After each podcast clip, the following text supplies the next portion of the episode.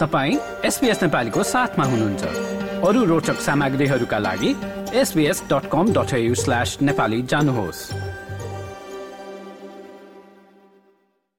अब भने कार्यक्रमको सुरुमा सोधेको प्रश्नतर्फ आउन चाहन्छु कफी सम्बन्धी तपाईँले चाहिँ एक कप कफीको लागि कति डलरसम्म सबैभन्दा धेरै तिर्नु भएको छ भनेर मैले सोधेकी थिएँ। अब त्यही विषयमा चर्चा गरौं।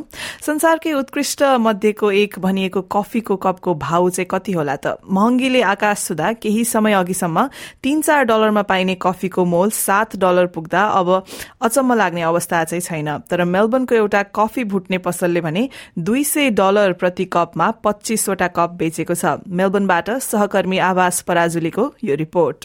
यो कफी भुट्ने पसलमा एक कप कफी चाहिँ तालचा मारेर सुरक्षित ठाउँमा जोगाएर राखिएको छ र यसो गर्नु पछाडिको कारण पनि राम्रै छ।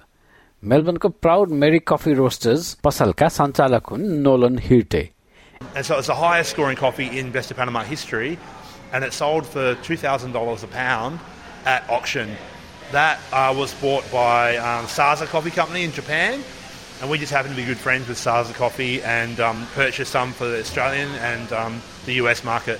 And so we've only got a small amount, um, and we're super excited to bring that to, to Melbourne and, and share it because it was a ridiculously good coffee and the finest example of what Panama Geisha can do. पाउन्डको दुई हजार dollar पर्ने एक विशेष कफीको लिलामी भएको बारे उनी भन्छन् There's many varietals, but Geisha is an heirloom varietal that uh, has more complexity, more lipids, more fats than any other coffee varietal, um, and as such charges a, a higher price tag. Um, all coffee right now is $1.60 a pound um, US. Um, geisha would start at $30 a pound.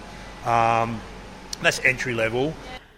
पानामामा उत्पादन भएको कफीहरूमध्ये सबैभन्दा उत्तम भनेर अन्तर्राष्ट्रिय निर्णायकहरूले दिएको पुरस्कारका कारण मेलबर्नमा उक्त विशेष कफीको मूल्य प्रति कप दुई सय डलर परेको हो वाइन जस्तै कफीको पनि थुप्रै प्रकारहरू हुन्छन्।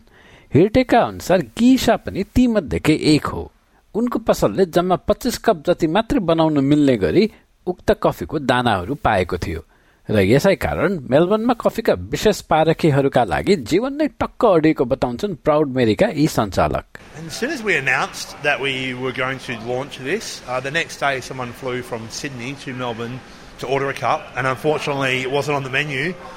As soon as we announced that we were going to launch this, uh, the next day someone flew from Sydney to Melbourne to order a cup, and unfortunately it wasn't on the menu. I read the post wrong. Um, I think it's going to sell out pretty quick. Um, and really, uh, for us, it was just um, a case of we really wanted to do it. अनि Jake reader पनि यस्तै एक कफीका पारखी हुन् उनी भन्छन् कि यस्तो अलौकिक कुरा चाख्न पाउँदा त्यसको भाउ कति छ भनेर खासै हेरिँदैन And so, you know, it's not an everyday drink, but it's a small price to pay for tasting something so unique. I got a bit of like freeze dried strawberries almost. Um, and some stone fruit. अझ कतिले त यसलाई तीन हजार dollar प्रति बोतलमा बिक्ने वाइनसँग तुलना गरेका छन् हिर्टे भने कफी कहिले नखाने मानिसलाई पनि यस्ता अनौठो र दुर्लभ वस्तुले लोभ्याउने बताउँछन् I think it's always great to expand the horizons, and it's always good to like um, challenge yourself on like, um, do I like something or not? You know, um, when you're growing up and not liking Brussels sprouts or whatever it is as a kid, and then later in life realizing actually they're not bad. Um, I think this is a bit like that. You want to you want to really see what coffee can do, and this is a great place for us to let us show you how good it can be. अब तपाईँले चाहिँ अहिलेसम्मकै सबैभन्दा महँगो कुरा के खानु भएको छ? या कफीको लागि सबैभन्दा धेरै कति तिर्नु भएको छ? या त पानामा गिसा कफी नै पिउनु भएको छ कि? त्यसको बारेमा आफ्नो अनुभव पार्न चाहनुहुन्छ भने हामीलाई फेसबुक या ट्विटरमा एट एसबीएस नेपालीमा एसएमएस गरेर बताउन सक्नुहुन्छ। यो जस्तै अन्य प्रस्तुति सुन्न चाहनुहुन्छ?